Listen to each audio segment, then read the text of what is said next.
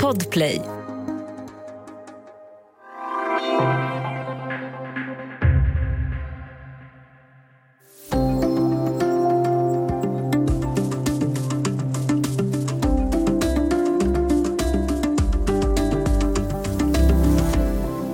Skuldsatta, desperata människor fast i en extremt dödlig version av klassiska barnlekar. Ja, det är handlingen i den koreanska Netflix-serien Squid Game. Serien har lockat 111 miljoner tittare de fyra första veckorna sedan premiären och seglat upp som Netflix mest sedda serie någonsin. Men hur märks Squid Game-succén på sociala medier och på skolgårdar och i snack mellan kompisar och kollegor? Och vad berättar serien om det koreanska klassamhället? Välkommen till Studio DN med mig, Ylke Holago.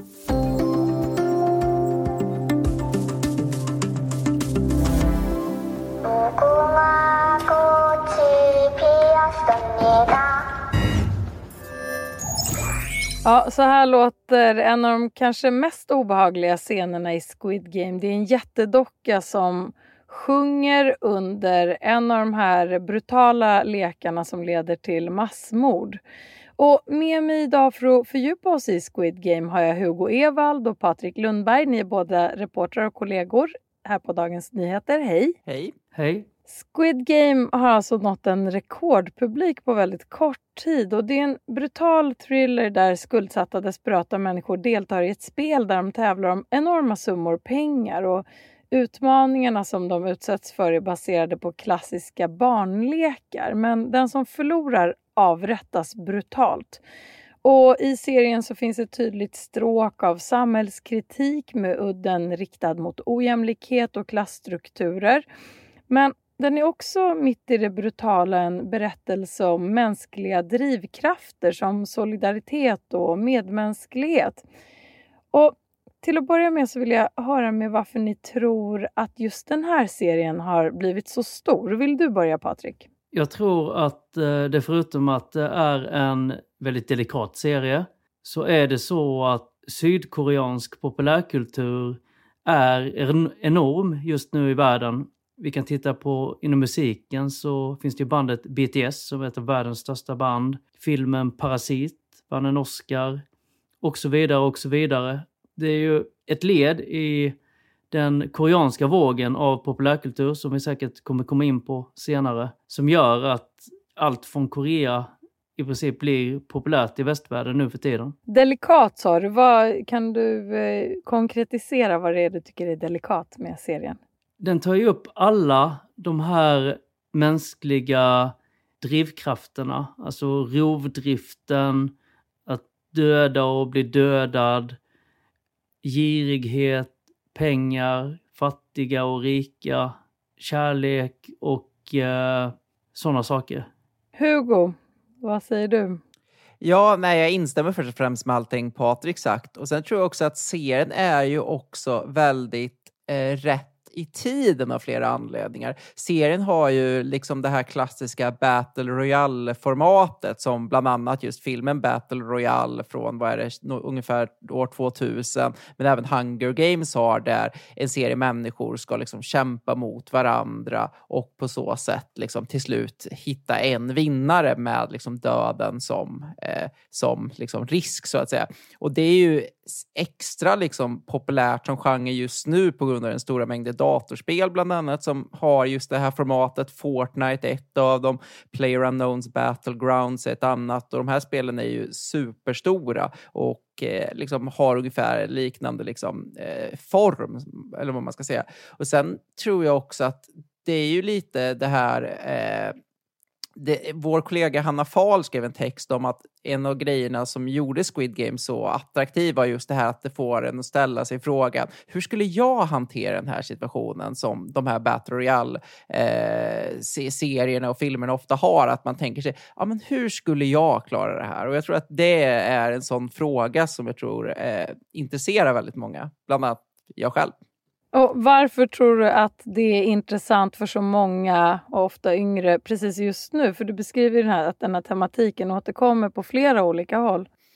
Nej, men jag tror att eh, vi lever ju också i en tid där bland annat sociala medier är väldigt eh, viktigt. Det finns ett stort liksom, fokus på individen i allmänhet och det finns ett stort fokus på att sticka ut, att vara, att vara någon. Så att säga. Det pratas ju ofta på sociala medier att många i eh, vår generation lider av liksom, vad, man, vad som brukar kallas för eh, protagonist syndrome, där man tänker sig att man är huvudpersonen i världen. Eh, och jag tror att många tänker sig liksom att ser sig själva på det här sättet lite, i, i, inklusive jag själv, där man kan säga sig själv, ja men jag skulle nog kunna klara det där ändå.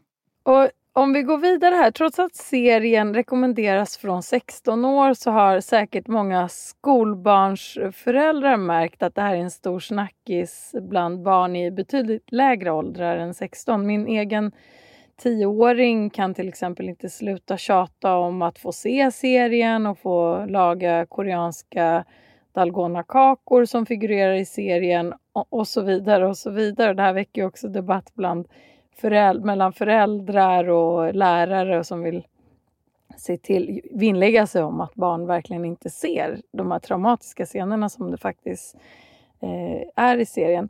Och varför den har spridit sig i åldrarna det är ju på grund av sociala medier förstås. Hugo, du som bevakar frågor som rör sociala medier, hur märks Squid Game-effekten där om du skulle ge oss en liten överblick? Ja, det man kan säga är ju att eh, sociala medier som framförallt då TikTok som är väldigt stor bland yngre har ju under de senaste åren liksom dominerats av en eh, rad olika challenges eh, där som ja, men helt enkelt går ut på att du ska försöka ja, men göra olika utmaningar och sen lägga upp en video när du gör den här utmaningen. Och många serier har ju liksom vad ska säga, turen om de lyckas starta en sån challenge.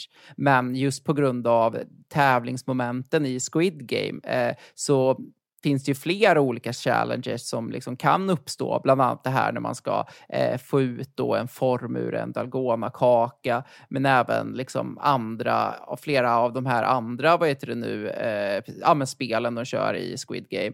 Eh, och jag tror att eh, det är väldigt tilltalande och gör det hela vad säga, väldigt viralt, väldigt enkelt, just genom att eh, det finns flera liksom, eh, challenges. Och sen tror jag också att och sen har ju många liksom bilder ur serien, enskilda bilder, miner, reaktioner, blivit memer eller memes liksom i sig. Just för att eh, skådespelarna är ju också väldigt liksom, expressiva. De är, de är väldigt liksom, uttrycksfulla i sitt agerande, vilket gör att man enkelt då kan ta liksom, enskilda stillbilder från serien och liksom, använda för att visa hur man liksom, reagerar på olika saker. Vilka är dina favoriter? Nej, men min favorit är ju det här eh, när man ser eh, huvudpers huvudpersonen eh, vars eh, namn jag inte riktigt vågar uttala eh, eh, när han ska ta, få ta en bild på sig själv och så ser han först neutral ut men eh, sen tar de en till bild när han ler och det är ett sånt väldigt effektivt meme för att liksom visa så här, eh, så här reagerar jag på det här men så här reagerar jag på det här och så vidare. Liksom det, är, det är väldigt effektivt eh, för att liksom, reagera på olika saker. Jag skickade precis eh, en GIF på den här hemska dockan till vår producent Sabina Marmolakai. Patrik, vad, vad har du uppfattat på sociala medier kring Squid Game som du vill ta upp? Det är någonting genialt med att använda barnlekar. Det här är ju lekar som vi leker i Sverige också, fast kanske i delvis andra former. Och alla vuxna har någon gång lekt de lekarna och kan känna igen sig i det och barn leker de här lekarna och kan känna igen sig i det. Så det där tricket är ju oslagbart. Det är precis som när man gör uh, musik så vill man ju hitta de där slingorna som man inte får i huvudet. Vi som är lite äldre minns ju Robins Do You Really Want Me. Det var ju skvallerbytta bing bong. Ja, Hugo, uh, Squid Game som Patrik var inne på här tidigare, det är ju bara det senaste exemplet på det som kallas K-wave eller Hallyu. Eh, det är den här framgångsrika vågen då av koreansk populärkultur med allt från musik till eh, hudvård och annat som har nått en större internationell publik de senaste åren. Varför tror du att eh, koreanska kulturskapare lyckas träffa så himla rätt på sociala medier om vi utgår från att sociala medier är en viktig faktor i den här framgången? Nej, men det är ju så, man får ju komma ihåg att liksom, det här började redan på 90-talet i andra asiatiska länder och Sydkorea har ju länge liksom, via sin regering drivit liksom, aktiva kampanjer för att föra ut liksom, sydkoreansk populärkultur på ett sätt som har lyckats väldigt mycket. Och jag tror att just vad gäller sociala medier så har ju framför allt då eh, man varit väldigt bra på att skapa liksom, communities kring artister. Det finns liksom nästan som en egen värld av K-pop-fans så att säga på sociala medier som liksom interagerar med andra fanbases och så vidare. Man har liksom varit väldigt bra på den här liksom community-buildingen vad gäller just till exempel eh, artister och så vidare. Och sen får man också komma ihåg att Sydkorea är ju ett väldigt uppkopplat land också där sociala medier är väldigt stort. Förmodligen till och med kanske större än vad det är här i Sverige, vilket gör att förmodligen att det är väldigt naturligt att använda sociala medier för att föra ut ja, men till exempel musik eh, eller andra saker. Om äldre generationer var starkt påverkade av USAs mjuka makt via Hollywood och amerikansk pop och rock och så vidare. Hur mycket tror ni att det har rubbats av exempelvis den koreanska vågen av populärkultur? Hugo? Eh, ja, jag, jag, jag, vet inte riktigt om jag vågar säga att det har liksom rubbats på det sättet, men det man kan definitivt säga är ju att Sydkorea är ett betydligt kändare land än vad det tidigare varit. Och jag tror att väldigt många har liksom en positiv bild av Sydkorea. Det framstår, trots liksom de skildringarna av klassamhället i till exempel eh, både då Parasite men också eh, Squid Game, så tror jag det framstår som ett väldigt liksom, modernt, eh, liksom, kreativt land för många. Och det är ju knappast dåligt för Sydkorea, så jag antar att det gör regeringen i landet ganska nöjda så att säga. Patrik, vad tänker du om den här aspekten? Är, eh, har USA fått lämna ifrån sig en del av marknaden till Sydkorea och vad, vad kommer det att få för effekt? Det är ju precis som Hugo säger, tror jag, att eh, det snarare har breddats. Alltså vad eh, vi konsumerar i väst. Att vi nu också konsumera koreansk kultur. Och det är liksom ingen slump att uh, Lil Nas X, som gjorde den här låten Old Town Road, att han i ett av sina första samarbeten eh, samarbetar med det här K-popbandet BTS. Eller att Coldplay, som är lite på dekis nu vill göra en duett med eh, uh, BTS. Alltså att det är inte bara så att asiaterna då behöver amerikanerna, utan det är även tvärtom. Vi ska ta en kort paus och sen prata vidare om Squid Game och den översättningsdiskussion som har blossat upp kring serien.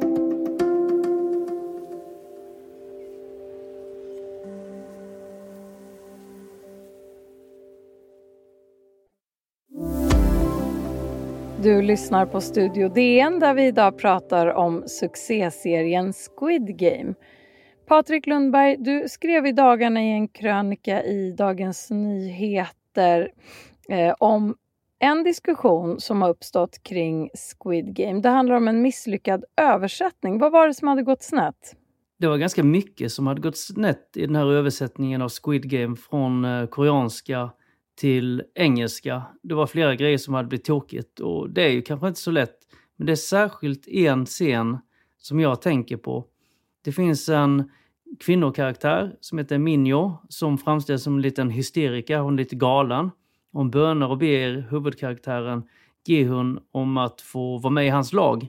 Och när vi då läser de engelska undertexterna i en nyckelscen så säger hon Jag är inget geni, men jag får det ändå att fungera. Och så hade det kunnat vara. Men eh, på koreanska så betyder det något helt annat. Den korrekta översättningen ska vara jag är väldigt smart. Jag fick bara inte möjligheten att studera. Och det säger ju verkligen en annan sak. Och vad berättar det om eh, det koreanska samhället eller vad är det serieskaparen vill eh, lyfta fram med den sägningen? Det är en stor samhällsdebatt i Sydkorea och har länge varit. Det är ju ett av världens mest kapitalistiska länder. Och detta går att applicera även på skolan skolsystemet är så pass orättvist så att eh, är du eh, begåvad som ung och vill studera, då är det inte säkert du kan det för att alla som har råd, och vi pratar om kanske tre fjärdedelar av alla koreaner sätter sina barn från ung ålder i privata läxinstitut. Du går dit efter skolan klockan tre, fyra och sitter där till kanske klockan tio på kvällen och bara nöter och nöter och nöter för att du ska komma in på de bästa universiteten. Och om du inte har råd att göra detta, ja då hamnar du efter. Eftersom de här barnen som går i de instituten är där flera timmar om dagen i liksom 13 års eh, tid.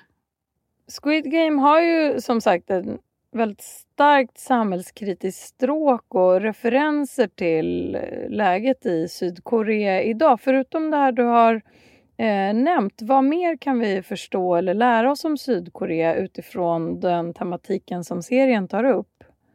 En grej som jag tänkte på mycket eftersom jag är korean och har bott i Sydkorea är eh, besattheten av att benämna sina medmänniskor i en hierarki. Det finns en karaktär som är en eh, invandrare från Pakistan som är väldigt noga med att eh, bete sig koreanskt. Han tilltalar sina vänner som är äldre som typ äldre broder, äldre syster och det betyder egentligen att man underkastar sig den personen. Så att i Korea är en del av det här, eh, kan man säga, ojämlika samhället att den som är yngre har inga rättigheter gentemot den som är äldre. Och om man tittar med de glasögonen på serien så blir det väldigt tydligt varför saker händer och varför saker är extra brännande när människor bryter mot det här. I din eh, text som då kom här nyligen så knöt du också an Squid Game och översättningsdiskussionen till Sverige och du pekar på paralleller i blicken på samhället. Berätta hur. Jag tänker mycket på det svenska skolsystemet som alltid är uppe till debatt nu för tiden. Och hur det ser ut i Sverige idag, oavsett eh, vilka politiska åsikter vi har, så kan vi konstatera att skolan i Sverige är inte likvärdig. Att det finns dåliga skolor och att det finns bra skolor. Och att du som barn behöver väldigt aktiva föräldrar för att hamna då på en bra skola och eh, få en utbildning. I vissa fall så behöver du sätta ditt barn i skolkur dagen efter att de föds för att de ska komma in på då rätt skola. Och eh, det är ganska tråkigt eftersom vi säger att alla barn ska ha samma möjligheter i Sverige oavsett vilka deras föräldrar är. Hugo, vi pratar här om eh, den större eller kanske lite underliggande tematiken i eh, Squid Game och eh, vad den ger för bild av Sydkorea. Vad, vad tycker du att du har lärt dig av att se serien? Nej, men just det som Patrik lyfter om eh, eh, hierarkier tycker jag är väldigt intressant och jag gör ofta liksom kopplingen där till eh, vad som även liksom framgår i när man kollar på japansk kultur som jag har gjort väldigt mycket i mina dagar där det också är väldigt tydligt på ett sätt som språket kanske inte är i Sverige där man, liksom, när man, där man kan liksom åsyfta och peka på någons hierarki genom vilka ord man använder så tydligt. Eh, och eh, jag hade inte tänkt på att så även var fallet i Sydkorea, vilket jag tyckte var eh, jätteintressant verkligen. Så avslutningsvis, eh, om vi kan göra en liten samtidsspaning. Vad tror ni att Squid Game visar oss om vad som kommer på kulturfronten framöver. Vad är det vi ska hålla ögonen på, Hugo? Ja, jag tänker mycket på det här med soft power som vi har pratat om. Och det, jag tycker det ska bli intressant att se vilka länder som kommer försöka och kanske lyckas lyckas med att liksom få föra fram sin egen kultur på det här sättet. Och det finns ju flera länder som man kan föreställa sig har ett väldigt starkt intresse av det. Jag tänker framförallt liksom Taiwan på grund av sin jobbiga geopolitiska situation. Eh, så jag, jag kommer hålla, ska hålla lite extra koll på Taiwan och se vad som händer där eh, kulturmässigt. För jag tror att det kan bli intressant. Patrik, vad håller du ögonen på? Jag är såklart helt enig med Hugo. Eh, surprise, surprise. Men jag ska nog hålla ögonen på länder med kanske en lite mer auktoritär hållning. Vi kunde se nu för ett tag sedan att Kina ville förbjuda män i tv som var mer feminina i sin framtoning. Och det ser jag personligen som en direkt markering mot den koreanska K-popen där där män är lite mer androgyna och jag tror ju att Kina med soft power vill göra kanske då det motsatta. Att visa kinesiska män då som mer maskulina och modiga. Tack så mycket Hugo Evald och Patrik Lundberg, reportrar här på Dagens Nyheter. Tack. Tack. Om du vill kontakta oss så går det bra att mejla till studiodn dn.se. Studio DN görs för Podplay av producent Sabina Marmulakai, ljudtekniker Patrik Miesenberger och jag heter Ylke Holago.